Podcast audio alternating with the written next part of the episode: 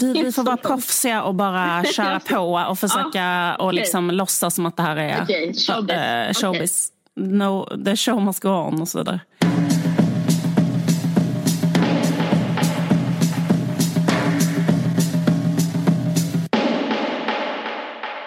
Jag börjar med att vara folklig. mm. Jag lyssnade på Daddy Issues.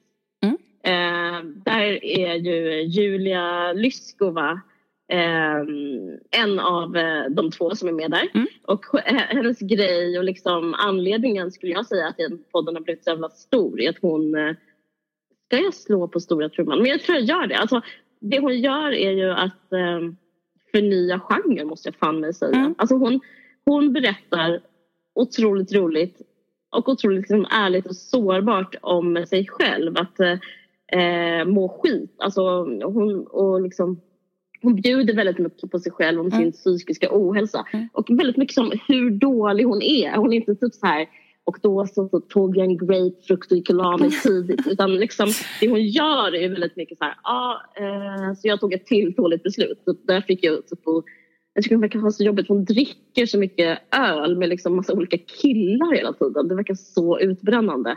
Eh, och sen så bara slutar allt oftast med att hon får jättemycket ångest. Men, har Men det som hon är bra på är att hon är så Ja. bra på att berätta. Alltså det är det att hon är en, Ja, eh, så alltså hon är, hon är en artist. Alltså det, är inte, alltså jag, jag, det handlar om det. För det är Oh väldigt ja. många människor som mår Oh piss. Men alla människor kan inte berätta om det. Det är det som är Nej. konsten. Ja. Nej, Fortsätt. hennes, liksom, den, den, eh, det hon bidrar med i etern, alltså den personen som, som mår dåligt, den är liksom helt sammansatt och fantastisk. Absolut. Och eh, det narrativet är fantastiskt. Absolut. Och jag älskar det och jag vet att jättemånga andra älskar det. Mm. Men hur som helst, det hon gör, eh, hon, den här då, gubben hon gör mår väldigt piss och det och även hon själv. Hon mår piss. Och hon eh, och är väldigt mycket på akuten. Hon har beskrivit många gånger att hon suttit så här, eh, dygnat i väntrummet på Danderyds sjukhus och sådär. Men när hon firade nyår då, det var det avsnittet jag lyssnade på. Hon firade nyår på, bredvid Södersjukhuset för att hon mådde så dåligt. Alltså hon stod på en kulle bredvid Södersjukhuset. Eh, och det är, liksom, ja, det, det är väl en bra bild i sig. Alltså hon berättade att hon ville vara nära läkare ifall hon skulle få ångest. Mm. Eh, och då förstår man ju att hennes ångest liksom verkligen är allvarlig. Men det intressanta, det är inte det jag tyckte var det, det häpnadsväckande utan det som fick mig att verkligen träffa hakan var att hon sen berättade eh, i efterspelet efter det här snacket om nyår att hon aldrig gått i terapi. Va? Eh, ja, hon har aldrig gått i terapi och det är alltså en Gud, människa som mår så sjukt. psykiskt dåligt Ah, eh, som har sökt framförallt det är som typ fallet Kevin. Alltså, Ja, det är fallet Kevin. det här känns som så här, man borde typ så här göra ett... Spänn fast dig själv för nu så kommer du um, vara med på en... det? Jag vill, jag vill ha så här, Det här är Uppdrag granskning som eh, intervjuar alla som har haft kontakt med henne med sån lampa i ansiktet. Typ. Ja, men det är helt sjukt. Vad heter hon? Lina Ben... Vad heter hon? Lina? Just det. Nej, det, Hon som snusar. Jag vill att hon ska lufsa Ja. omkring så här på, på, Ja. da, kring, kring, eh, kring Hon psykakuten. ska... Hon Och ska, fråga. Hon ska, hon ska fråga samtliga psykakuter i Varför Stockholm. har fråga, aldrig- Varför, när, varför, när Julia kommit och sökt Mm. vård, varför har ni aldrig erbjudit terapi? Ja. Eh, Det är helt sinnessjukt. Ja, för, för det finns liksom... Det är så här, om man mår dåligt psykiskt så finns det hjälp att få. En av dem är medicin. En annan som också har evidens är terapi.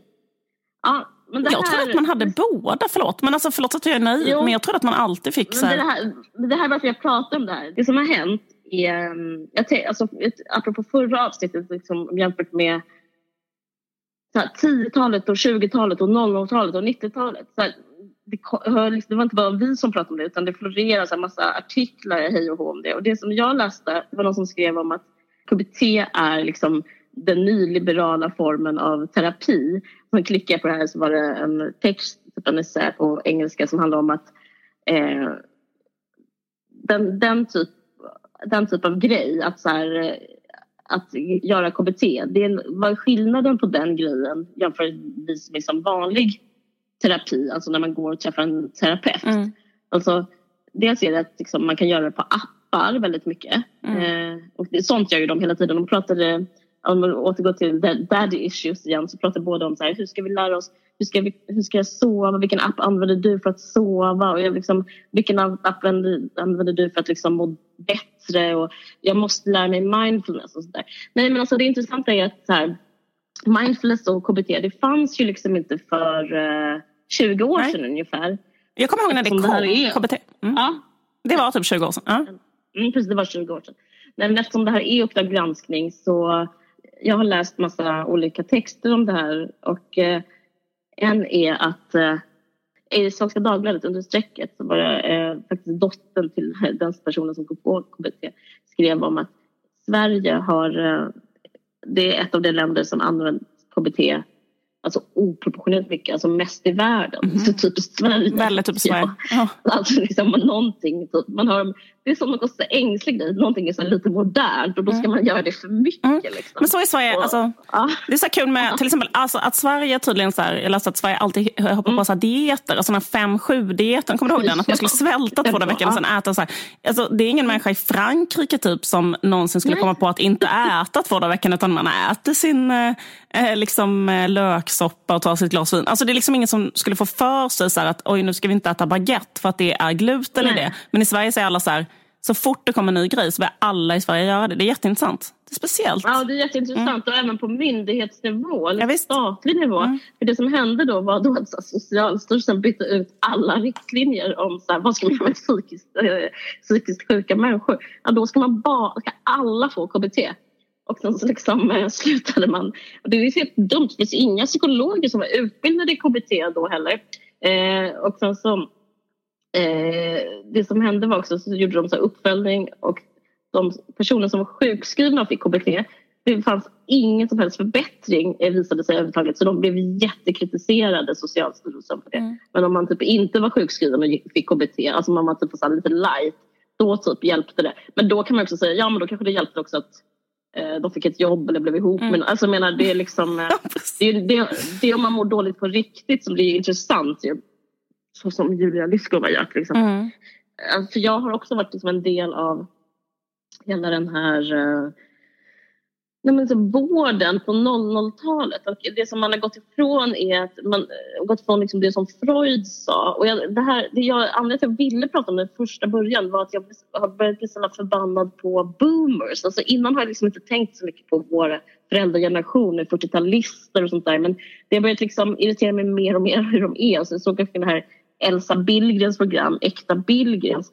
Jag vet inte om du har sett det? Nej, men, nej okej, men då är det typ att de föräldrarna är så jävla eh, självgoda, eh, självförhärligande, typ elaka, egocentriska, eh, entitled. Alltså så som 40-talister, de kanske är 50-talister för sig, men så som 40-talister är väldigt mycket och typ eh, samma generation som också har förstört vår planet. Alltså den, en, person, en generation som är så väldigt så, har rätt till allt, mm. fått allt och liksom är rika. Och eh, jag blir så avundsjuk på dem, eller liksom jag har aggression mot boomers. För de fick så himla mycket freudiansk terapi. Det tycker jag märkt.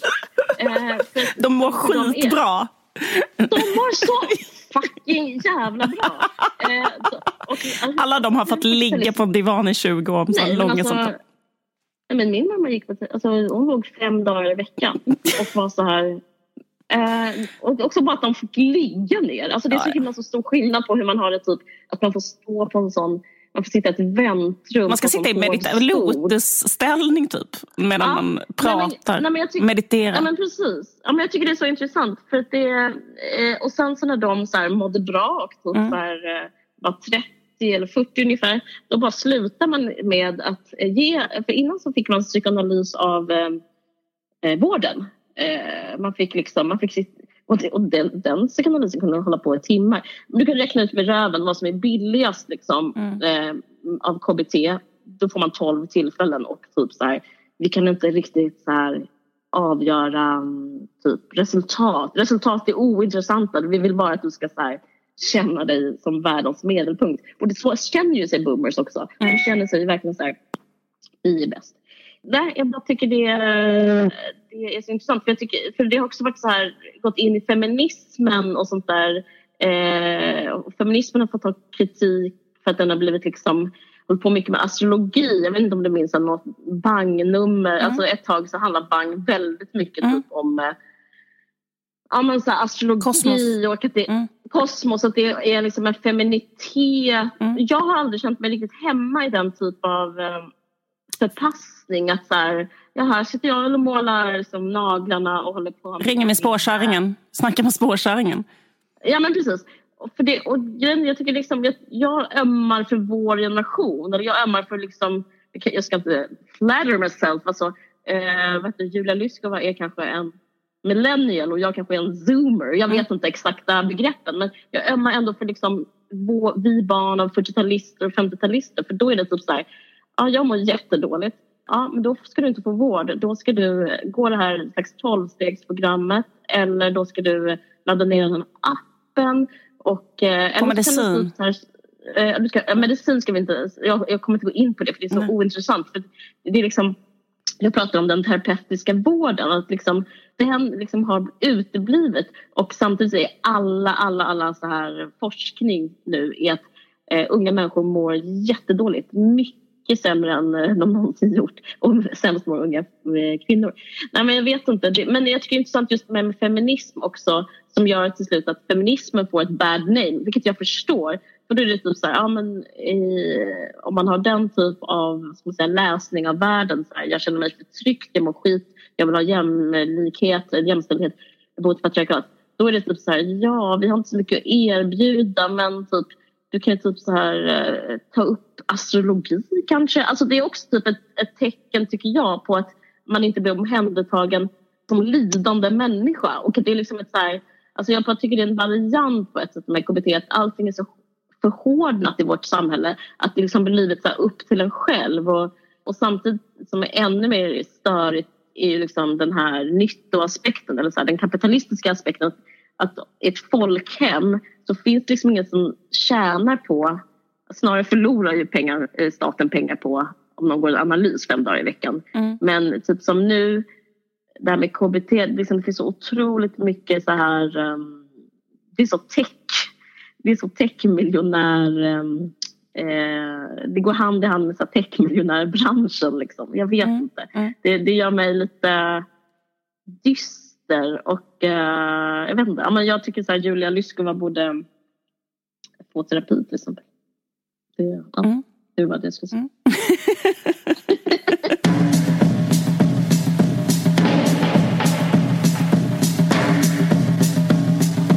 Men, men, man hjälper bara en miljonär om man laddar ner en sån sömnapp. Man får inte glömma det. Just det, den enda som blir hjälpt är den miljonären. Han kommer sova jättegott. Precis, han sover riktigt gott på en hög med pengar. Men, men mm. förlåt, jag ska säga en sak. Mm. Apropå daddy issues. Jag såg också så Jonathan, eh, vad heter han? Alltså han som, Jonathan Unge. Mm. Eh, din vän och liksom den underbara komikern Jonathan Unge. Mm. Han, eh, han var så otroligt rolig i Skavlan. Och då tänkte jag, och grejen han gjorde ett, eh, ett freudianskt skämt och då blev jag, fick jag ännu mer aggressioner mot boomers för de har ju hela den typ floran av eh, referens. Alltså, han har gått i psykoanalys i tio år jag vet, och legat på sommaren. Jag vet. Han sa det och, det, och det, det blir och jag känner andra som gör det mm. och gemensamma nämnare för dem är överklass och pengar. Mm. Eh, för det blir, liksom, det blir liksom en um, klassfråga av vem som får den fina terapin och vem som får den fula terapin. Och den terapin och nu har det visat att den inte hjälper. Det är så, så roligt. Eh, jag menar, eh, och det är inte bara det, men jag upplever liksom ett kulturellt kapital som kommer med så här freudianska arvet, det psykodynamiska arvet.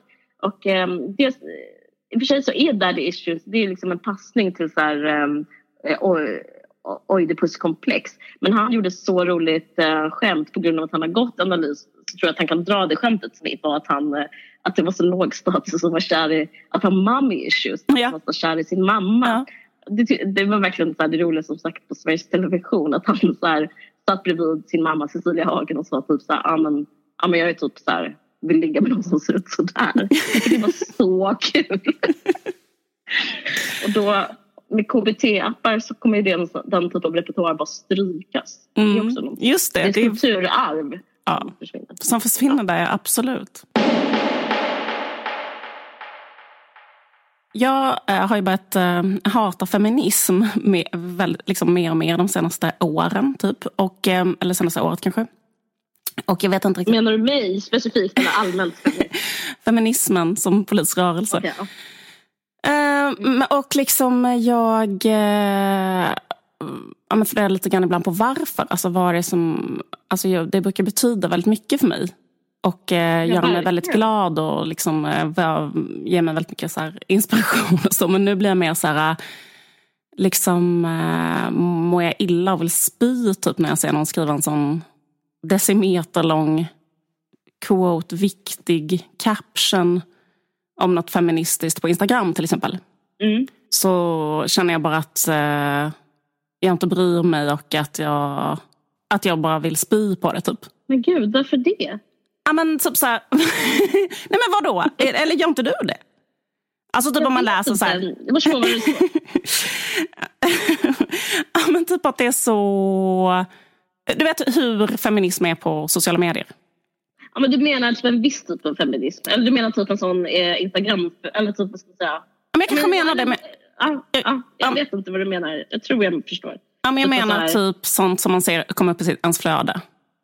Ja, som typ att så här eh, på eh, det bästa på Pornhub så våldtogs en, en 14-åring. Det var det mest sedda, eller? Ja men exakt, men typ att folk skriver så här långa så här, eh, typ tankeväckande mm. sa, eller liksom mm. så här, sådana saker. Och det, är, så, om, det är verkligen fruktansvärt. Ja.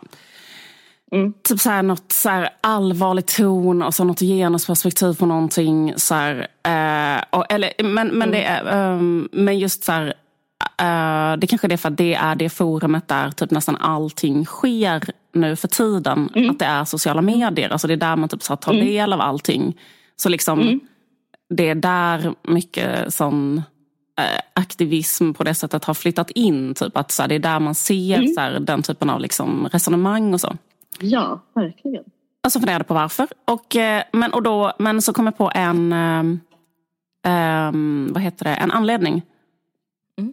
Uh, och, och det är att um, feminism på senaste tiden har typ flutit ihop nästan helt och hållet med ett annat samhällsfenomen, nämligen krim. alltså typ att så här, feminism och krim har blivit samma sak. Och att jag gillar inte krim. Oh my god, du har så rätt. Men visst är det sjukt? sant. Ja. För liksom, ja, det är liksom- hemskt. Ja, visst är det. Typ någon som är våldtagen och har styckad Exakt. tjej. Typ. Exakt. Ja, att det är feminism. Ja, det är fan Exakt. sant. För liksom, de två fenomenen har innan varit två olika saker, eller hur? Krim har varit en sak. Krim har varit så här, fem, mm. sex sidor som man slår upp i Aftonbladet. Uh, och där står det med jättestora rubriker om så väldigt så spektakulära, äckliga saker som har hänt. Så här, eh, just det här försvunna tonårstjejer, styckmördade barn, typ sådana slags brott. Mm. Och väldigt så clickbait för Klick, gammelmedia. Exakt. Men i nu... Sensation. Ja. Precis, men grejen är att jag läste om krim och krim har funnits alltid. Alltså typ man mm. gjorde sen boktryckarkonsten uppfanns på 1500-talet så gjorde man små flyers Eh, med eh, så här, förenklade berättelser av just den typen av brott. Så här, en mamma... Läckbergs förfader. Typ. Precis. En mamma har eldat upp sitt barn i kakelugnen. Så typ ritade Nej. man en... Ja men sådana brott. Precis, ju värre ju bättre liksom. Och så kanske man gjorde ett kopparstick typ där man ritade det på en bild. Och sen tryckte det och skrev så här, kanske någonting om det. Och så mm. sålde man det på något sätt. Det så, eller så här, skillingtryck är ju det, så här, Elvira Madigan, alltså att man sjöng så här, sånger.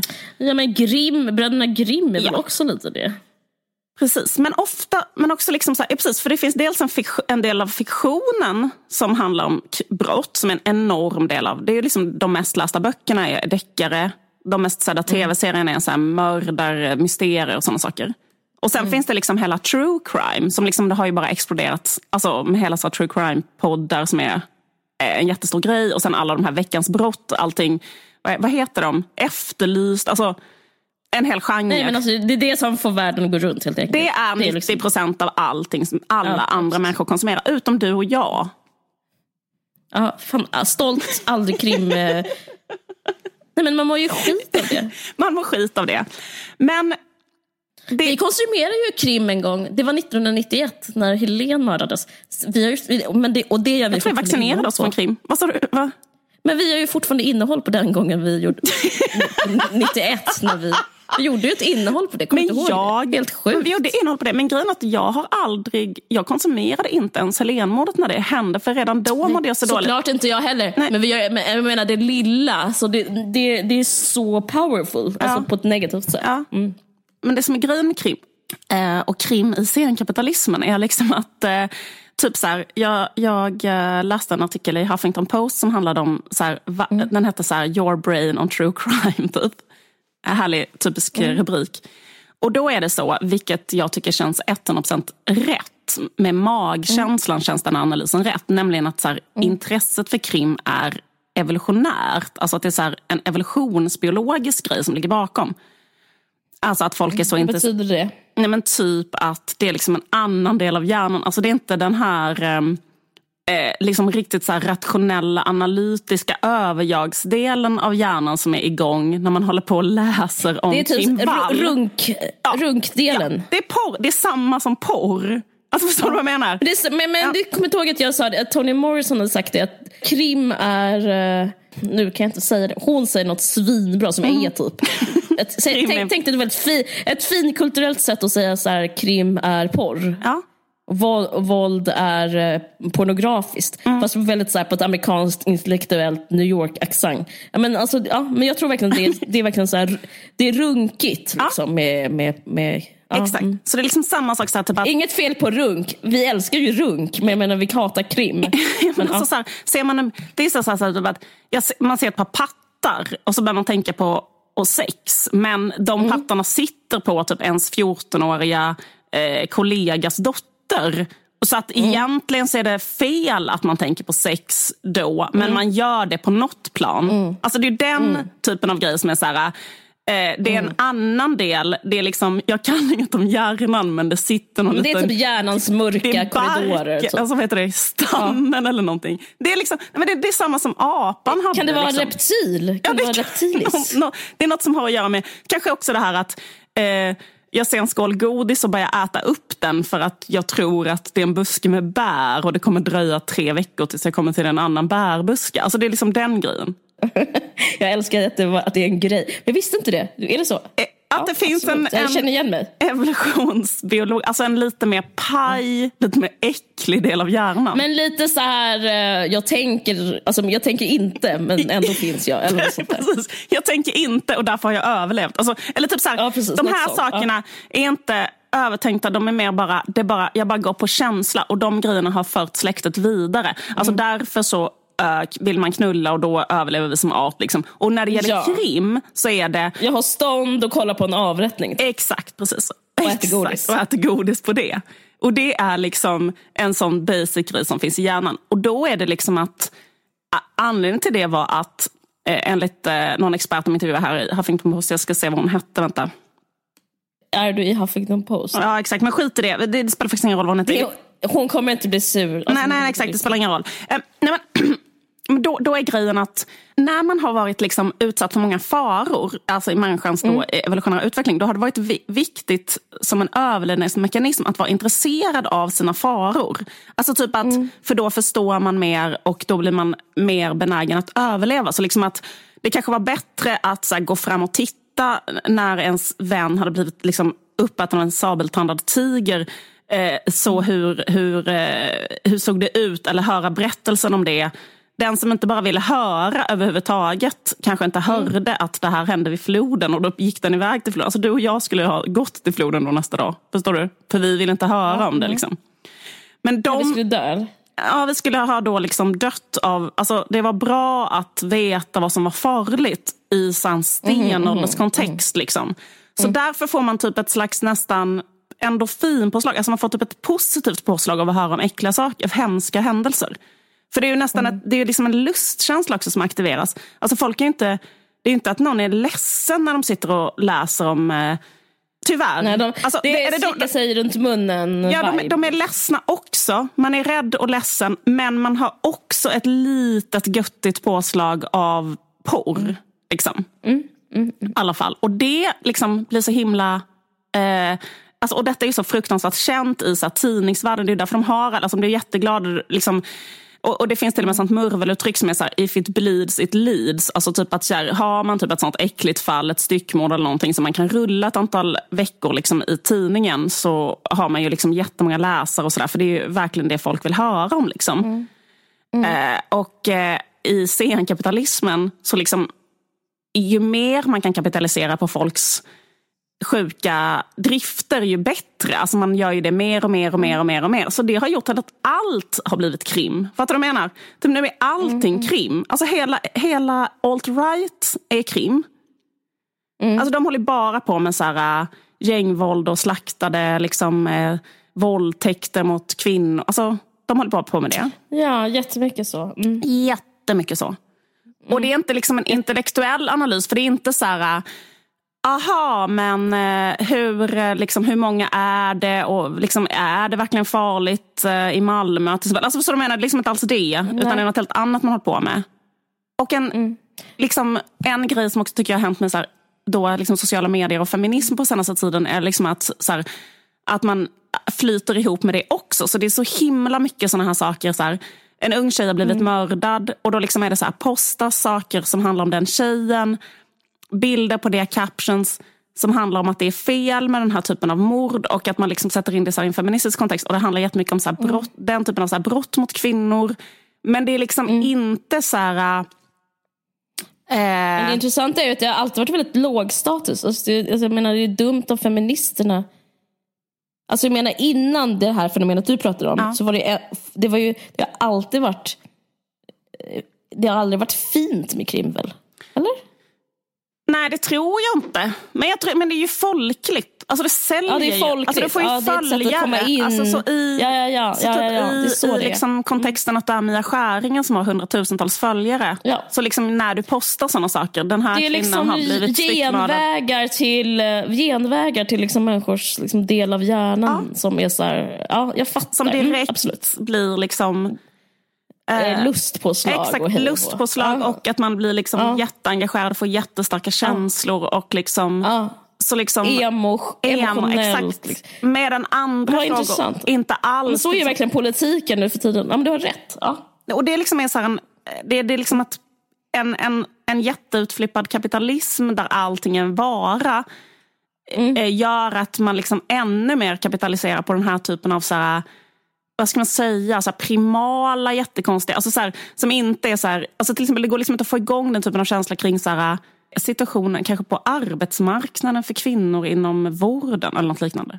Nej, jag vet. Ja. Eller något mer eh, ja. i den eh, ballparken. Mm. Utan det är mycket ja, det här liksom hänga ut, eller liksom och porr är ju också så. Också porrmotståndet tycker jag är så på Instagram. Liksom att det är så här, om man är emot ja. porr så handlar det mycket om att så här, åter, det alltså, menar, gotta ja. sig så fruktansvärda händelser. Det är lite som människor som läste såna det, barnet som kallades för det och sånt. Att det är så här trafficking, fruktansvärt. Alltså, eller grejen också så här, liksom att allting, alltså det, eller det, det, mm. det, bidrar till en sak. Det bidrar till att man så här, kanske mm. mobiliserar människor som får jättemycket starka känslor kring en sak. Och man mm. kan få jättemycket följ, man får jättemycket interaktion. Så här. Men en sak som inte är, är att man liksom inte har någon intellektuell diskussion. För det är liksom in, rent intellektuellt, så här, alltså jag vill inte alls vara snobbig. Jag försöker verkligen inte säga detta utan att vara snobbig. Men typ, det är inte så en intressant fråga. För grejen att det är olagligt att styckmörda en tonåring i Sverige. Fattar du vad jag menar? Det är inte lagligt. Mm. Alltså, det är inte så här, Alltså, man har den alla på sin sida. Ja, ja. Alltså, det är ingen som tycker mm. att det, det finns liksom ingen det är ingen, så här, det är ingen nöt att knäcka, alltså det är ingen analys. Det är så här, nej, fick nej. vi ta in en journalist och uh, styckmörda henne på en ubåt? Alltså nej, alltså ingen tycker alltså, förstår du Det är liksom inte så här, det är liksom inte så här, det är inte så här, någon är för det och det nu har vi politiskt, vi bjuder in olika sidor i Belindas program och har en debatt om detta. Utan det är så här, alla tycker det.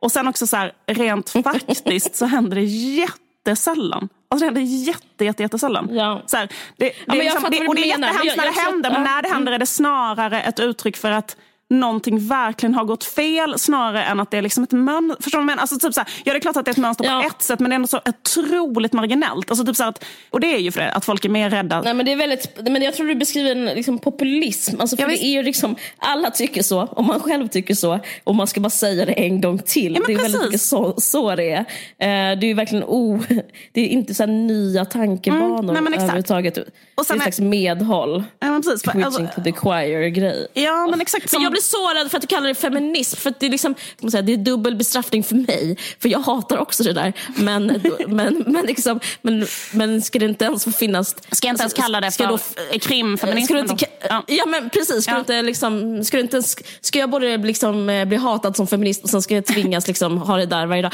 Nej men det jag menar är att så här, det finns ju en intellektuell rörelse. Det finns liksom en, en intellektuell praktik, en akademisk eh, jag, ska, jag, ska, jag ska inte tvinga dig lyssna på mig längre, men jag vill bara säga att det finns en diskurs, en feministisk diskurs som är just intellektuell. Och det blir så konstigt för att nu så är det som att eh, det är så, den är så otroligt unheard of. Den är som, som ringen i Sagan om ringen. Den, den är liksom så, har ni hört, det fanns liksom, det är någon som hade en teori, bla bla bla. Men jag menar, man får inte glömma den. Alltså, in, in, ett tu bryter lite på att du säger så här. Alltså, jag menar, du, du får ju inte glömma att det finns, eller? Nej, eh, absolut. Jag uttryckte mig lite spetsigt kanske för att eh, Ja. folk skulle börja lyssna i början. Content. Ja, precis. Absolut. Nej men, nej men lite känner jag faktiskt då. För att, så här, jag, kollar, liksom, jag tycker faktiskt ändå att det är så här spritt. Alltså, Men jag tror att- väldigt många känner så. Många- feminism a bad name menar jag. Många Alltså, så här- som är prominenta feministiska talespersoner nu för tiden är liksom länkade till krim och håller på med krim. Och så var det inte Ja. innan. Alltså till exempel så tittade jag på en debatt på Aktuellt mellan Björn Werner och Katarina Wenstam. De två största inte- tänkarna vi har idag i Sverige. feminism. Caroline. Nej, okej, okej, okej. det, det, det, då hade de en debatt om incels och då var Katarina Wenstam... Vad? Det var, Nej, det, men så, det, nej, det är så sjukt Nej, de, de- att det så här, vi pratar om dem som, men som de de var intellektuella förgrundsfigurerna. Jag skojar bara. Men de var i alla fall aktuellt och diskuterade. Men då är det så här, och då är ju hon, alltså då Tindermannen. De, då diskuterade de Tindermannen som ett annat ämne. Mm. Men det var ändå, det är ändå, att hon är ju ändå vår, alltså hon är ändå feminismens röst där, eller man ska säga liksom. Men hon är ju också en person som nästan bara håller på med krim. Alltså hon är krimförfattare för det första. Alltså hon skriver ju fiction krim. Och eh, skriver om eh, liksom vidriga våldtäktsfall på det här sättet. Eller så förstår vad jag menar? Så här, jag vill inte säga att hon så här, rakt av, liksom bara, men, men jag, jag bara säger att det, liksom, det, det, det, för mig, jag kan bara prata helt ur, ett personligt, eh, ur en personlig då bara smakriktning. Att det bara är mer det, att eftersom jag inte tycker om krim så känner jag mig inte så hemma i det för att det är så otroligt mycket krim. Alltså det är så mycket krim bara. Mm, jag vet. Och det är också som hon Nina Rung, det är samma sak, hon är också kriminolog. Det handlar ju väldigt mycket om brott och fe. Alltså så här, och jag själv, liksom, jag, jag känner så här för krim, att jag dels är livrädd för det och inte vill höra om det, precis som du pratade om innan. Och att jag är uttråkad samtidigt. Förstår du vad jag menar? Det är en jättekonstig kombination. Typ att det är så här, men jag tror Nej, du känner exakt likadant. Ja, Men typ så att man dels Alltså, känner så här, jag tycker också det är svårt att höra dig prata om det. Jag, jag, just, jag anstränger mig jättemycket för att eh, lyssna nu. För att det är så jävla tråkigt. ja, men det är så tråkigt. Dels är det så här, om jag... Så Om. Man bara, va? Jaha, okej. Det- Och det är så, det är så vanligt, alltså det är så eh, repetitivt. Ja, men det är så- exakt samma sak. Någon dödade någon. Någon dödade sin eh, flickvän och styckade Ja. henne. Sen så är det så här, Ja. och det, om jag ska försöka börja då liksom tänka mig in i det, liksom, då mår man ju så dåligt så att man aldrig mer hämtar sig. Jag har som sagt fortfarande inte hämtat mig från Helenmordet, som jag fortfarande inte ens Nej. vet hur det skedde, för jag har inte tagit reda på det för att jag mår så dåligt. Men jag menar? så, så, liksom, så, så, så dels är det så att man är så konstigt högkänslig att man inte klarar av att höra det överhuvudtaget. Sen är det också att man eh, tycker att det är ointressant rent då Alltså, förstår du menar? Man, man finner ingen sådär liksom, eh, intellektuellt intresse för det. Så därför, blir man inte därför är man inte alls intresserad. För det handlar bara om, så här, eller jag menar, i mina ögon är det så här, ett, ett antal då fruktansvärt störda individer där, för vilka allt har gått fel i livet från början. Fortsätt gör de här sakerna sen mot någon annan. Och där finns det liksom inget mer att säga. Det är därför man blir så uttråkad av det. Liksom bara så här, ja men visst det här var fel. Alltså så här, what, what, liksom, nej. Alltså det finns ingen kultur i någon historisk epok eller någonstans som någon gång har tyckt det var rätt. Eller ingen. Alltså det finns, ingen, alltså det finns liksom ingen diskussion. Så det finns inget, men skitsamma. Men vad, vad jag skulle säga är att, i alla fall att när jag fortsätter, för då kan man säga så här, okej okay, men då är det bara det att jag är ointresserad av krim som gör att jag känner ofeeling inför det här. Mm. Eh, för jag är bara inte en krimtjej. Mm. Men en annan sak som jag läste, som jag tycker bara också så här, en grej Mm. som är lite intressant, är så här, för att när man tar del väldigt mycket av crime, läste Mm. jag också som en, i den här artikeln Your brain on true crime, då börjar man också må dåligt. Alltså Mm. studier visar det, att så här, om man gör det för mycket så Mm. får man liksom ökat påslag av ångest, man blir paranoid. Det, hon som skrivit artikeln heter Paige Smith. Hon, hon säger så här Mm. att hon la märke till det själv, för hon älskar true crime. Men sa så här, att när hon hade konsumerat true crime för mycket så kände hon så här, skrev hon så här, jag märkte en förändring i mitt humör. Från att vara generellt uppåt och glad så kände jag mig melankolisk. Jag hade svårt att släppa liksom de här historierna. Eh, och jag kände eh, hela tiden en slags låggradig, ständig tension typ i kroppen. Alltså typ att det hela tiden är spänd Mm. och olycklig och rädd. Och liksom, ja. Men åh fan. Nej men såklart. Nej men därför gör man det. Ja, nej, men såklart. nej, men då tycker inte jag att också kvinnor hela tiden ska sitta och läsa om Alltså, eller, förstår du vad jag menar? När, när Men den... jag tycker det är intressant för det är som att det har att göra lite med eh, Alltså det är så intressant att det är just feminister som gör det. Jag ska bara säga en liten parentes här. För att det är liksom i kvinnorollen. Alltså det, eh, det, det är verkligen en, eh, ett felslut eh, inom feminismen. För i kvinnorollen, om man bara översätter den, liksom, vad är den i världen? Så skulle jag säga att kvinnorollen är att typ, ta väldigt mycket ansvar, hålla på väldigt mycket med så här, ordna upp saker, lösa saker, eh, oroa sig för andra.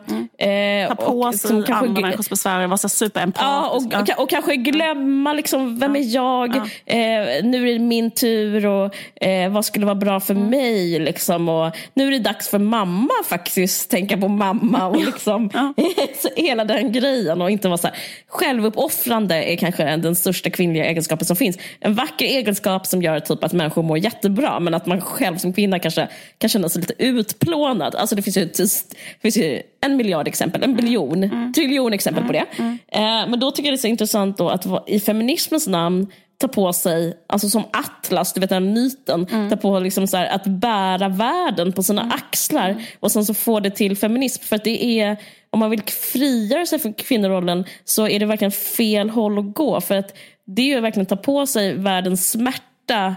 Eh, Alltså, det alltså, går i, igen. in i det absolut Alltså, mörkaste ju och bara det är som vara som en bara- förskolefröken fast åt liksom hela världen. Eller liksom vara en allas mamma på något sätt. Och bara, vi måste ordna det här. Men Alltså, också att man kan tänka så här, men det sköter polisen. Alltså polisen, Ja, vi betalar ju skatt och vi har liksom Säpo och så vidare. Jag vet men- inte vad Säpo ja, gör. Men, men jag menar, någonting gör de väl med så här barnporr, eh, alltså ligor och sånt. Alltså, eller fattar du vad jag menar? Vi har väl avlönade människor.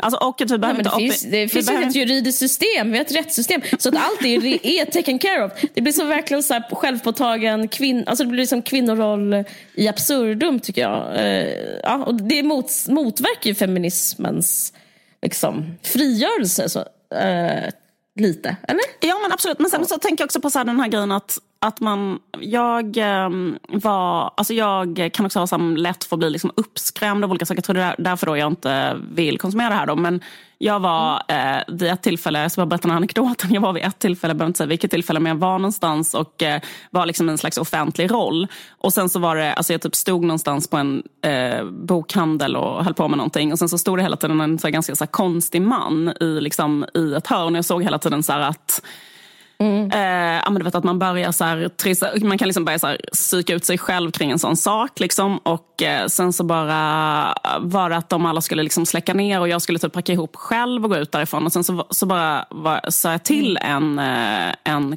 kompis då, så här, förlåt men kan du stanna här med mig? För jag bara tycker att den här personen är lite läskig för den står kvar där hela tiden. Eh, och då sa den personen så här, men för i helvete, skärp dig, är du helt dum i huvudet? Så tror du den där personen, alltså så här, lägg av bara. Så här.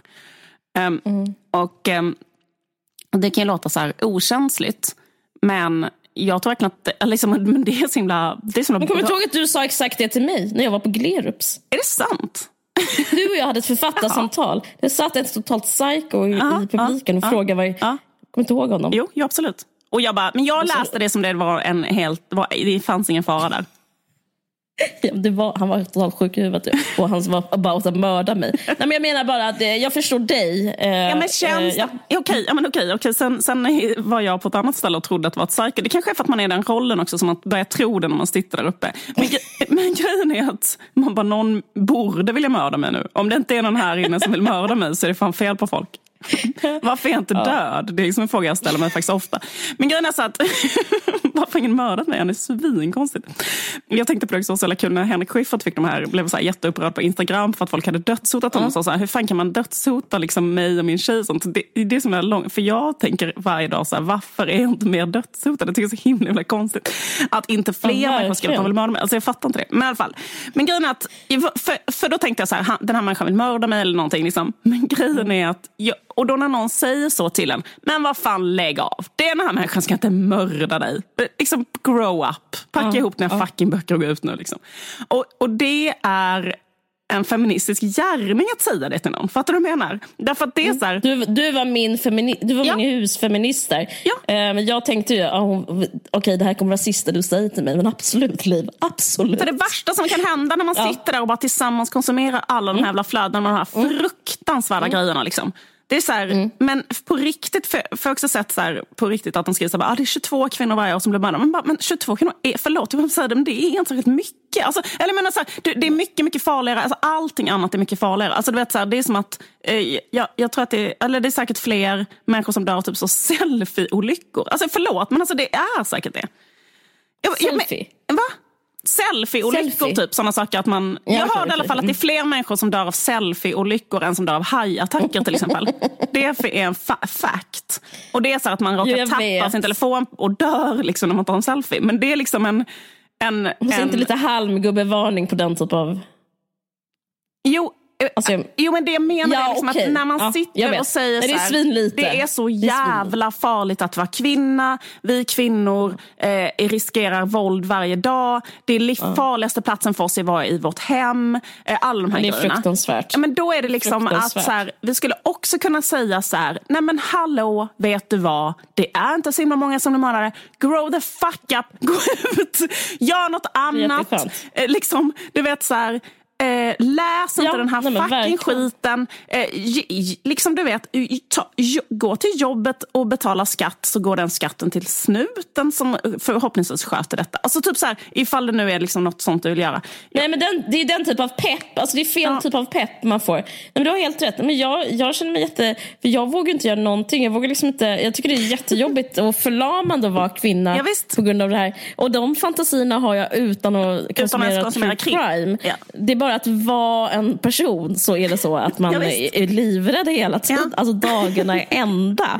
eh, s- så bara gråter, rädd, kollar mig snabbt bakom. Alltså det är jättetröttsamt. Och det man behöver liksom, som kvinna är ju någon slags liksom, sporrning. Som är så här, men för fan, jag tror du klarar ändå att gå och handla efter 20.00 på kvällen. Alltså, Men jag sa till mig själv för att jag skulle gå och hämta mina barn så här, efter mörkrets Ja. inbrott på ett ställe som är ändå så här 20 minuters promenad. Och så var det så här bara, ska jag Ja, ta en taxi? fan. Sen så här, men vad fan kan du ta, fucking skärp dig och gå genom den här jävla parken. Klockan är sex på kvällen. Du är, alltså, du vet, det är liksom så här, det är helt sinnessjukt Helt att inte Gjorde kunna göra det. det? Alltså, vad sa du? Nej men parker är ju svinäckliga. Gjorde du det? Ja men det är klart att ja, jag gjorde det. Jag gjorde det.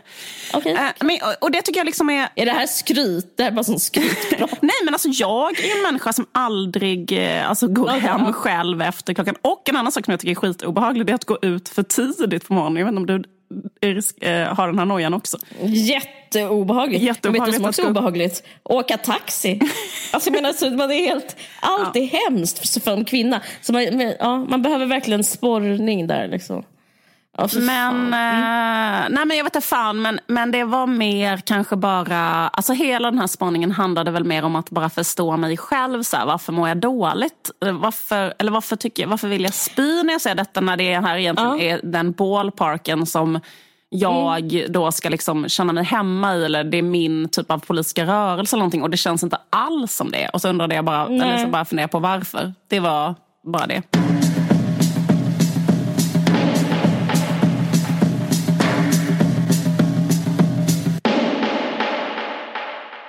Jag vill bara säga att jag träffade jag skrockade häromdagen. Alltså för, jag kom, för jag är så rädd. För det här kanske är som ett skämt när vi pratar om men jag är så, så, så rädd. Att jag, jag, det bästa tiden för mig var ute liksom 11 på dagen. Mm. Och det är så sorgligt. Ja. För att den bästa tiden för typ vilka är räddast i samhället? Ja, men det är ju pensionärer. Gamla tanter är det tydligen. Och, ja. och precis. Men med rätta, de är, de är så svaga liksom och kan inte, skulle aldrig klara av men liksom, de är väl de absolut minst brottsutsatta tror jag faktiskt också. Alltså de är ju inte utsatta för något. Jag vet, men, men jag förstår deras psyken. Och det är så sorgligt när jag, när jag går ut elva på dagen, då är det liksom jag en person som är jättekänslor, jätte, så här, högkänslig och det är ju Lars Norén och så är det så gamla tanter så går vi omkring på Roslagsgatan. alltså det är alltid så. Det är liksom någon slags, det är en slags bild av att, typ, att feminismen har svikit oss. Jag vet inte, jag, jag bara tycker den det var underbart om ens flöde skulle vara fyllt med så här, you can do it, typ så här, gå och träna ikväll, du klarar det, du, behöver inte, du kommer inte bli styckmördad. um, jag har uh, en, en grej som jag skulle kunna prata om. Mm. Jag läste en sak. Uh, jag konsumerar väldigt mycket nyheter. Uh, jag menar inte att skryta, men det bara är så. och en, vet du vad, jag tror att det är lättare kanske att konsumera nyheter som handlar om typ något annat ställe än just Eh, jag är jätteintresserad av så här, svensk politik och sådär. Men jag kallar mig kille, men jag är väldigt så här, intresserad av typ, så amerikansk politik. Och jag läser mycket om det. Och så där. Men till exempel den här Iranier-kraschen. Är du, är du inläst på den? Lite. Ja. Skitsamma, men det som hände med det var en general som mördades och hej och hå. Och sen så råkade ett plan bli nedskjutet av eh, Iran. Mm. Men alltså det påverkade ju Sverige. Men det som var, det, det, var liksom, det som hände som var liksom lite vidrigt i Sverige var att det var väldigt mycket så här att folk betedde sig väldigt oartigt mot eh, dödsoffren mm. eh, och, och sa så här typ mm.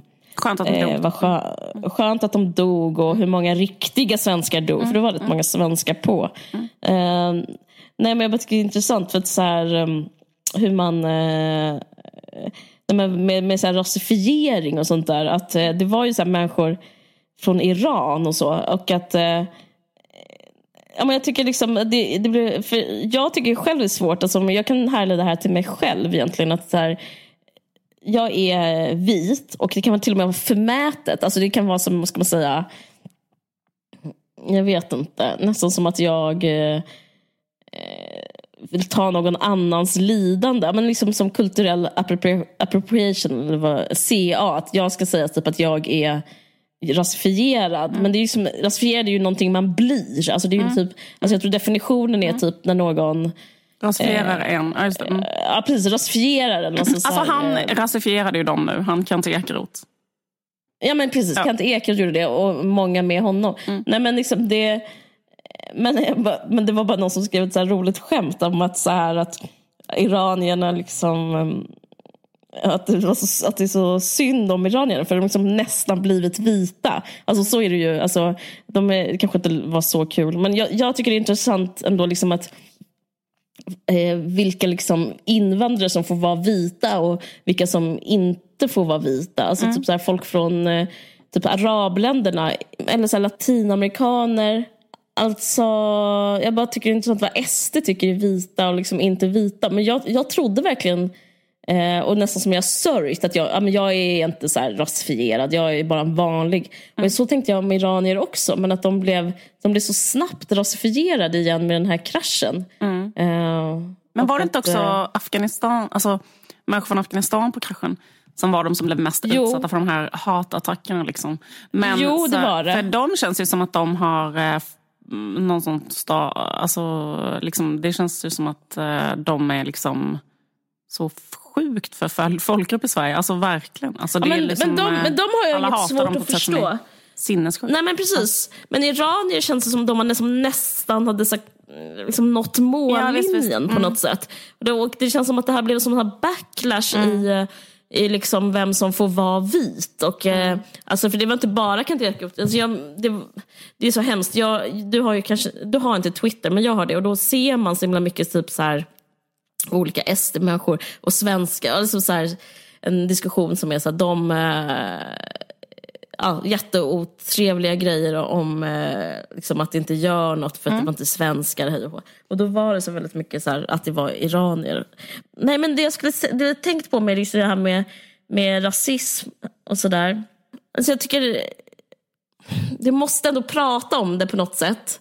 Och jag menar inte vi måste prata om det, vi måste prata om rasism. Men jag, men jag skulle tycka att det var bra att man liksom ett större perspektiv på vad, i just sådana här sammanhang. Och, och liksom perspektiv på typ hur Sverige som liksom folksjäl borde uppföra sig. Alltså det finns någonting eh, alltså det finns någonting historielöst. Alltså det finns absolut. någonting som är så här att man har mage att vara så i Sverige och säga någonting ja. ont om Iran. Alltså för att vara så här, eh, men du vet alltså Känner du till Eufrat och Tigris? Ja, man känner någon till ja, ja, Eufrat och Tigris? Nej, alltså, vi nej men det var de som Ja, men det är så konstigt som att ingen i Sverige, liksom, eller ingen vet så att vi hade inte kunnat skriva, vi hade inte haft papyrus om inte de fanns.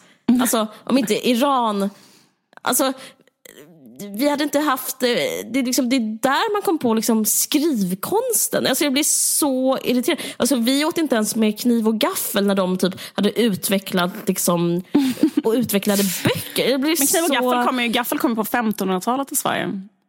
Ja, ja, men då hade de typ ett helt, då hade de true crime tidningar i Eufrat och Tigris. Som är då, alltså jag tycker det är så... Nej, det är eh, jättehemskt.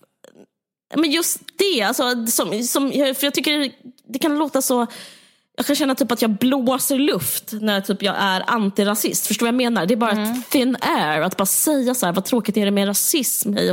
Men liksom, jag vet inte om det här är då en ingång. Att vara mer så här att, att det talar mot en slags modernitet, det talar mot framåtrörelse. Alltså det, det är väldigt så här oödmjukt, det är väldigt, o, det är väldigt historielöst att vara, att en så här, vi kan inte klaga på de som lärde världen, att, lärde världen bokstäver eller att göra papper. Eller vad är det mer de gör? Jag minns inte. Men du vet, sumererna liksom. De, de håller på med poesi när vi... Ja men precis. Typ, sumererna våld, hade den, gängvåldtäkter. De uppfann ju liksom. den första skrivkonsten, var ju där i Irak. Exakt, men det är inte de vi använder nu. Men det var ändå de första. Nej jag vet, men alltså den ballparken så att säga. Uppfann de, ja precis. Um, ja, ja.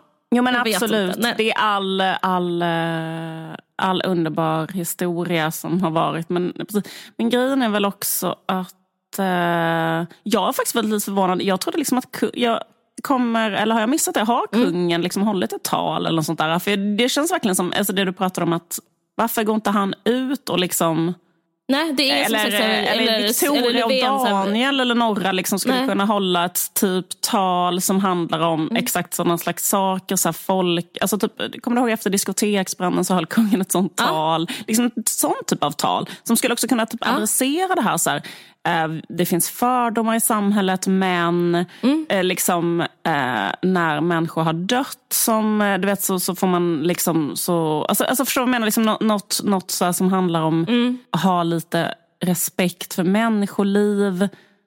Den typen av tal. Mm. Jag vet inte, men det har inte varit något sånt tal, vilket är svinkonstigt.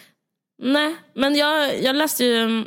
Äh, jag, det, här gör mig, det finns ingenting som gör mig så förbannad som är, är att andra som ska vad ska man säga? Jag har alltid varit early adopter med, eh, vet, inte, jag säger Carolina Gynning, men jag menar Magdalena Ribbing. Mm. Eh, alltså, innan var det jätteute, jag lovar, att älska henne. Men då älskade jag fan henne. Och vet du, för just den här, för hon hennes saknad efter henne är liksom helt monumental nu. För hon hade jättemycket, jag läste hennes bok på jullovet. Hon pratade jättemycket om det här, typ så här hur man ska hantera eh, oartig rasism. Och typ var så här, men eh, det jag försöker säga, att det är så väldigt ociviliserat att, att säga rasistiska grejer eller ens vara rasist. Och, och liksom, om Sverige vill vara typ världens bästa land och Sverige vill vara i framkant och liksom moderna och liksom, eh, liksom smickra sig med allt sånt där. Då måste man liksom också vara eh, har liksom bättre vett och etikett vad det gäller den här grejen. Och det, det, så jag är lite motståndare till den där typen av retorik, men jag förstår vad du menar. Ja. Men liksom... Nej, men jag, jag vet, jag har hört den ja. nu från andra, men jag tyckte ja. det här innan det blivit modernt att tycka så här. Alltså jag tyckte det här typ för 15 år sedan. Men grejen är, jag bara menar att kungen nu skulle kunna typ ta, sig, alltså ta på sig den hatten och vara så här, ha någon slags, vad ska man säga, någon slags finare ingång till, till det, liksom, hur man behandlar människor. Alltså någon slags ja, filosofisk ja, ingång till det. Liksom. Alltså jag tycker det är liksom, ja, ja. nej, men exakt, nej, men jag tycker det är lite fel att diskutera det som en uppförandefråga för det blir som så här, att det på något sätt handlar om så att vara att det ändå blir så väldigt ytligt. Liksom hur man, alltså, bara handlar om mm. så här, någon typ av så här borgerligt uppträdande där det då liksom förstår vad mm. jag menar. Folk som inte har lärt sig eh, ordentligt vilka ord man får använda anses mycket mer rasistiska än folk som bara har lärt sig det. Fast egentligen så kanske de inte är det. Förstår du vad jag menar? Alltså typ att det finns liksom ja, men jag tror det kan en... vara performativt också. Jag tror, inte bara, jag tror inte det behöver vara ytligt. Alltså jag tror det kan vara så här, ett sätt att så här, eh, för, förstå innebörden genom att säga det. Men, men jag förstår absolut den kritiken. Eh, Ja. Ändå så tycker jag jag föredrar en så falsk artighet. Jag tycker det är så smärtsamt med den så här ja, jag tycker liksom att så här, själva... vanliga...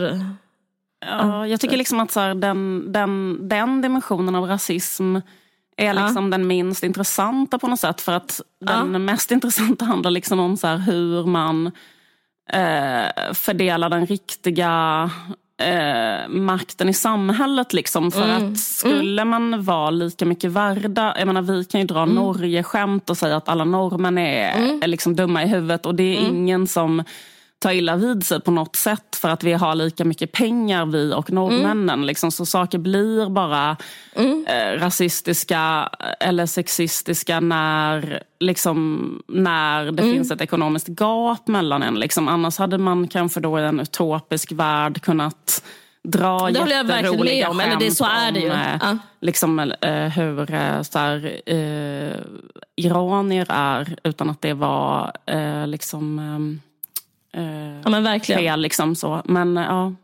men det är ju, jag håller med om det. Men, ja. men, men i det här sammanhanget så var det liksom väldigt um, ofint, liksom, tycker jag. Alltså, i, så här, hur ja, de här det, offrena, det är ju helt sinnessjukt. Eh, alltså. Att så här, säga så här, men vad skönt, nu är det några som vi slipper ta hand om, eller något sånt där. Och det här var ju bra för Sverige att de dog och sånt där. Ja, men jag alltså, är liksom livrädd så... för de människorna. För de har, ja. alltså, jag tittade faktiskt också in på Twitter, fast jag aldrig är där. Men jag, mm. alltså, jag blev liksom mm. helt... Eh, så, eh, jag menar, det, det är liksom väldigt eh, speciellt. För det, det är någonting som har hänt med liksom, helt vanliga människor i Sverige. Att de alltså ändå har, jag vet inte om det är för att de har en plattform att uttrycka sig eller att de själva radikaliseras mm. i sådana cirkelgrupper där de bara förstärker mm. sina egna.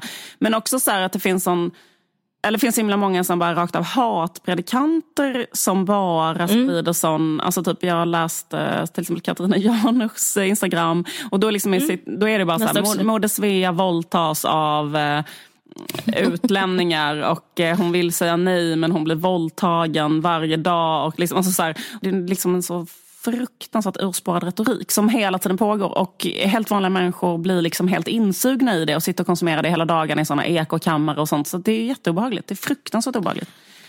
Men ja, men det är det. Mm. Det är det, för att det, det, finns liksom en annan ände av det här också som, som är att jag tror det var Wolodarski Alltså som är så här, skriver då, han skrev om språket, en ledare. Nej, jag vet att det var Wolodarski. Mm. Men så, han skrev en ledare som var så här, de små förskjutningarna. Alltså sånt mm. som jag liksom alltid sagt som så här, men vi måste sluta, eh, kan vi inte bara liksom kalla saker för äpplen och äpplen. Mm. Alltså, alltså, typ, eh, om någon typ säger att eh, baserar en åsikt på någons utseende och ursprung så är det rasism. Men då har det varit så här i Sverige att man ska kalla det rasism. Hej och Men nu skrev han så här, oj vi hade fel. De små så här förskjutningarna i språket, att inte typ så här var, eh, att, att, att ha så här eh, rasistiska små gliringar, hej och hå. Och den, den ledaren, jag vet fan vad den heter, men den var här för några dagar sedan. Jag vet inte om du läste den, men den blev så här otroligt älskad. Liksom. Eh, och det, han så här blir hyllad som en hjälte Alltså förstår du? Alltså, det blir som så här, men du vet vad jag menar? Det, ja, men jag vet. Det, det här, det är en, fe, den är effekt av liksom samma det är samma spann, i samma spektra. Alltså typ om någon så börjar kalla så här, vad skönt att skäggbarnen dör.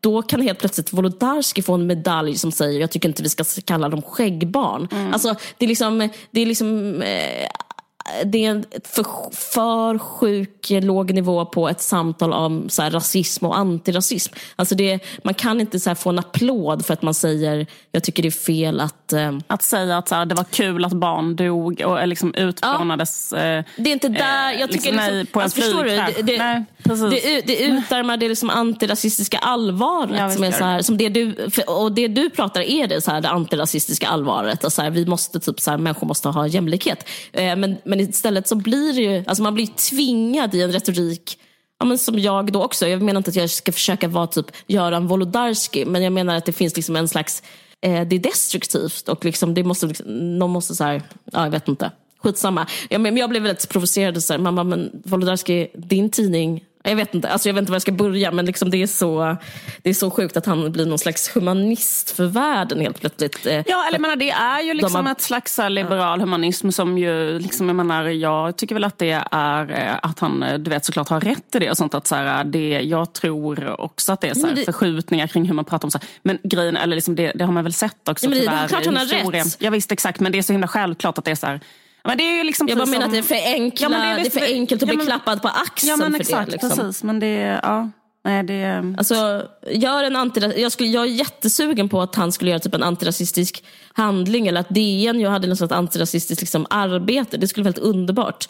Uh, för att det är väldigt o, ja, otrendigt just nu på liksom alla sätt. Jag ville berätta för dig att, eh, ja. jag vet inte om du visste detta, men att Madonna är ihop ja. med en kille som är 25. Alltså, det vet jag. Ja, du visste det precis. Men att det var liksom ja. en, en, en, en, eh, samma, samma sak som vi pratade om förra gången, alltså att hon är 61. Men jag vet inte, apropå det här med feminism och status och sånt, för att jag träffade en, eh, nämligen en en 50-årig eh, kvinna som eh, var en, en, en, eh, en kvinna som pratade om så att hon precis nu hade liksom börjat, inte hon är journalist och sådär, men hon sa att hon, eller hon är en tysk journalist, skitsamma, men hon, mm. hon, hon, hon sa så att de senaste åren hon börjat intressera sig för feminism. Hon bara så här, för att det var inte någonting som, var, som jag växte upp med alls och så. Hon är liksom född då tidigt 70-tal. Hon bara, på den tiden så var det så här, och det känner jag igen mig i också, att så när vi växte upp så var mm. inte feminism närvarande alls. Utan det var, så här, det var redan ett slag som redan var vunnet. Alltså, så, så uppfattade man ju det, att det hörde hemma på 70-talet. Det hade våra mammor gjort. Liksom. Men det var inte något som var inne eller trendigt att hålla på med när vi var små på 80-talet. Nej, det var rätt så anonymt, eller så tyst ja, på något sätt. typ så här, kanske, så här, om man någon gång hörde ordet feminist så var det så här, en ful kärring som inte liksom, eh, eh kunde ta ett skämt. Eller? Så, så kommer jag ändå mm. ihåg att det var. Liksom, att det var så här, mm. Och det ansågs, identifierar mig det fortfarande, men absolut. Ja. Att frågan är liksom... Frågan var, eh, frågan var död, så att säga. Alltså, frågan var ansågs avklarad. Alltså, hon, jag tycker hon förklarade på ett ganska bra sätt. Så, typ att så här, Frågan ansågs redan vara... Typ, så att nu, vi, fick, eller vi höll på med det då och det gjorde att vi fick dagis. Och sen efter det så har vi liksom inte börjat prata om det sen på 15 år. Liksom. Mm. Och så upplevde jag att det var 100% när jag var då tonåring. och så. Men sen liksom att jag fick liksom återupptäcka det själv och vara så här, jo mm. men nu, ni sa att det var jämställt fast nu när jag tittar mig omkring så säger jag att det var det inte alls. Och då liksom fick man liksom hitta sina egna frågor och titta på dem med nya ögon och sådär. Och sen så liksom bli feminist igen. Liksom, mm. Då kom ju tredje mm. Så, ja. Men just den där känslan av att så här, och nu har vi haft den här tredje vågen, sen har vi fjärde vågen och sen så börjar det kännas igen tror jag för en yngre generation, alltså för tjejer som växer upp. För då har de växt upp i det här då, hela det. Och de kan känna så här, ah, men det här är en fråga som inte är så aktuell för det här är redan färdigt. Tror jag att många kan känna, mm. tjejer som är liksom 20. Mm. Och det är inte så mm. konstigt heller, för det är också det på ett sätt. Förstår du vad jag menar? Att man har så tuggat ut väldigt många frågor som liksom eller förstår du vad jag menar? Att det kan inte heller vara så samma typ mm. av så intensiva tryck hela tiden i de här frågorna. Därför att det måste så här, jag skulle kunna tänka mig att det kommer komma liksom typ en ganska så apolitisk tid där man liksom är intresserad av något annat. Förstår du vad jag menar? Typ för att det är så här, och sen kanske mm. det kan komma igen. Så här, ja, men nu om vi omformulerar det, vad är det då som vi... Eller liksom så här, kanske, jag vet inte. Mm. Um, Men då tänkte jag på det att Madonna, Madonna var ju min så här, absolut största idol när jag var liten. Mm. Och att hon var så här, eh, alltså jag, jag var liksom så besatt av Madonna så det liknar ingenting. Alltså, jag har lyssnat så mycket på Madonna. Hade aldrig, alltså så här. Och sen att hon är 61 år nu och är ihop med en 25-åring. Alltså på något sätt så känns det för mig nu som att nu har feminismen uppnått det som den generationens feminism ville. Så så här, någonstans så här, här var slutpunkten. Nu nu är det inte så, eller liksom på ett sätt kan man säga så här, nu är inte de här frågorna är inte så aktuella för att Ta mig nu med en, ta mig med en ny- det. ta mig med en så ingen annan gör det. Ja. Ta mig med en nypa salt nu. Ja. Mm, Ta mig med en nypa absolut. salt. Men det är Havssalt. ett Men- mål. Ja, men det är Alltså, sant. Ett mål är ju Ett mål i alla fall uppnått. Eller förstår du vad jag menar? Eller ett, Ett mål, sätt. oh, att, att hon är så gammal och håller på med detta. Då är det liksom så här någonting som ändå är radikalt annorlunda än vad det var när jag var 20. Det är det. Alltså förstår du vad jag menar? Det är något verkligen annorlunda där. Och Verkligen. Ja. Och liksom då att kanske ojämlikheten, jag menar att allt i världen är helt fucked up. Och en sak är till exempel att det finns två parallella samhällen i Sverige där de ena har det jättebra, de är de enda som yttrar sig och håller på med allting. Och sen finns det andra som lever Ja. i total misär. Och de hör vi aldrig något från Nej. och vi vet inget om dem och de, lever liksom, de utför bara tjänster åt oss. Till exempel, det, är en konst, det är en konstig grej som pågår nu. Men det är liksom inte... Alltså förstår du vad jag menar? Och jag vill liksom gärna att de ska börja säga, jag vill så gärna att de ska komma in Nej, och för oss avrätta vita oss. feminister så är det ju helt underbart. liksom, Nej, men de- nej, men det är- för vita feminister, så, vita feminister har Så det så här nu. otroligt. Ja men exakt. Men det är Ja, ja, inte verkligen. där liksom den som, det är inte där det, liksom det stora såret i samhället finns liksom nu men så på det sättet bland vita liberala feminister. Så. Eller det blir så konstigt. Men vi har det ju för bra Ja, när exakt. Madonna kan... eh, Ja men exakt. liksom, det, det är ja, men för, ja, men han är för ung. Jag, jag menar, det är liksom, Ja, han är för ung. Jag skulle vilja sätta gränsen vid 30 för Madonna. Alltså, det är liksom, det, det har gått för långt, feminismen har gått för långt ska jag säga. Just det Ja men verkligen. Belinda Olsson och Nej men verkligen. Nej, men, eh, vi, är så, vi är så välgödda. Vi, den vita feministen är, är välgödd. Ja, Men det är kanske därför true crime finns. Nej, men jag fattar. Det var, det var mycket intressant. Eller Ja, men det bra. enda fället man kan Eh, komma på är så att kvinnor blir ibland styckmördade. Och det är så här, ja visst det blir de absolut. Men det är liksom också så här, Ja.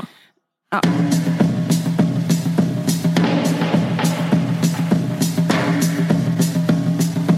Next story, next story, next story.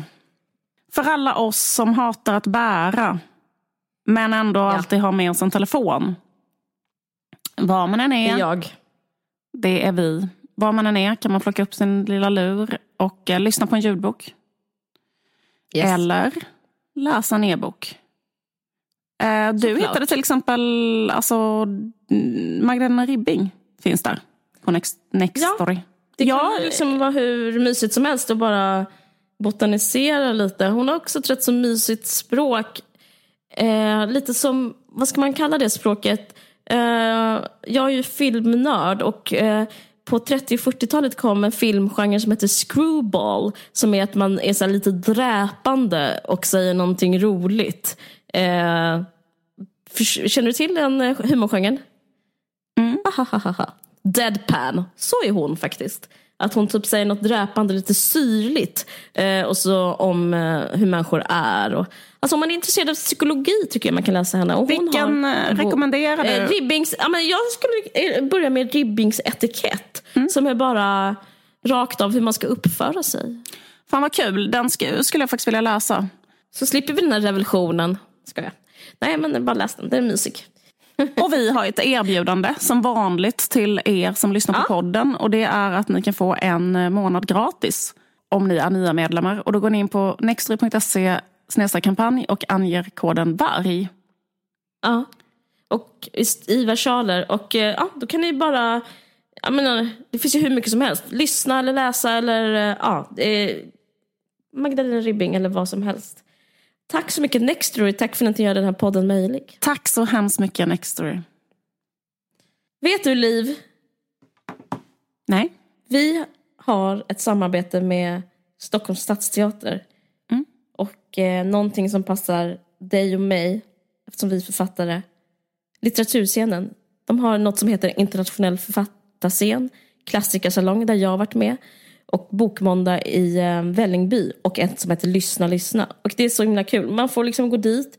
Man, får, man kan gå in på Kulturhuset Stadsteaterns hemsida. Och sen kan man scrolla och hitta typ någon författare som passar en själv. Till exempel eh, Tove Jansson Mm. jag har, har de ett eh, program om. James Wow. Baldwin som jag fucking älskar. Ja, otroligt. Eh, Je- Jeanette Win- Winterson, ursäkta, 27 februari. Wow. Ja, jag vill verkligen bara tipsa om det. Athena Farrokhzad. Går man in liksom på hemsidan då och, hittar var de här olika sakerna är? Ja, och ehm, de som vi väljer, vi, jag kan välja vad, vad jag tycker ni ska lyssna på. De får våra lyssnare 10% på och jag vet vad jag ska välja. Jeanette Winterson, Gud vad kul. James Baldwin. Och om ni då lyssnar, om ni, ni då liksom går in, ni lyssnare, går in på Kulturhuset, Kulturhuset Stadsteatern.se och bokar biljett till Jeanette Winterson. Hon har gjort, skrivit en bok som heter Inte alla apelsiner är gula. All frukt, all frukt är inte apelsiner. Ja. Ja, förlåt, det är konstigt att jag inte kan Ja. titeln för det är bland de bästa böcker jag läst Ja. och jag säger inte bara det. Ehm, 27 februari och då får ni 10% på Det den finns här- annan på frukt än apelsin. Ja. Förlåt, säg, säg det Men- igen som du sa. Jeanette Winterson, 27 februari, internationell författarscen, Grünewaldsalen, Konserthuset. 10% på den biljetten. Och om ni bokar James Baldwin och Tennessee Williams, det är en kväll, de är ju döda sedan länge båda två. Eh, i Men Jeanette Winterson kommer i en person. Hon kommer. Wow. Hon kommer. Det, Otroligt. skulle, det vill ju du och jag också se. Liksom. Ja, verkligen. Ja. Men det är den 18 februari till exempel och då får ni 10% rabatt på den. Så och då med James. Baldwin, då liksom pratar man om hans författarskap. Ja, det hoppas jag verkligen. Och Tennessee Williams. Ja. Jag vet inte eh, vad de har gemensamt. Men Det kommer eh, man säkert att jag- finna ut när man är på ja, författarträff. ja, Gud vad det mysigt. kan ju bara vara så att båda är bra. Typ. Ja. Vilken otroligt härlig eh, liksom, liten, um, det liten grej att göra. Med sin kompis, sin, sin Mm. Det står så här. partner. Vid en första anblick verkar de helt väsensskilda, Tennessee Williams och Mm. James Baldwin. Men de har jättemycket gemensamt. Mm. De eh, var homosexuella och skrev mycket om sina familjer och skrev om förhållandet till hemlandet USA som de tyckte var jättekomplicerat. Wow. Ja, det är sant. Alltså James Baldwin skriver liksom hur det är att vara son till en pastor. Alltså den är så bra. Och Tennessee Williams har väl skrivit en street name card desire. A street named card desire. Ja. A street card named desire. Linje Lusta. Linje Ja, det är så Lusta, jävla otroligt bra. Fan vad kul, vad roligt. Ja. Ehm, Gå dit. Ja. Och tack. Gå in, lättast är att gå in på Kulturhuset Stadsteaterns hemsida och så får ni hitta själva. Varsågod för erbjudande, 10%. Eh, Tack så mycket, så Stadsteatern. hemskt mycket Stadsteatern. Stockholms stadsteater. Eh, var det allt vad vi hade att bjuda på? Ja, ja. Okej, tack för att ni lyssnar. Okej. Ha det så fint. Ajöken. Hej. Kan försöka.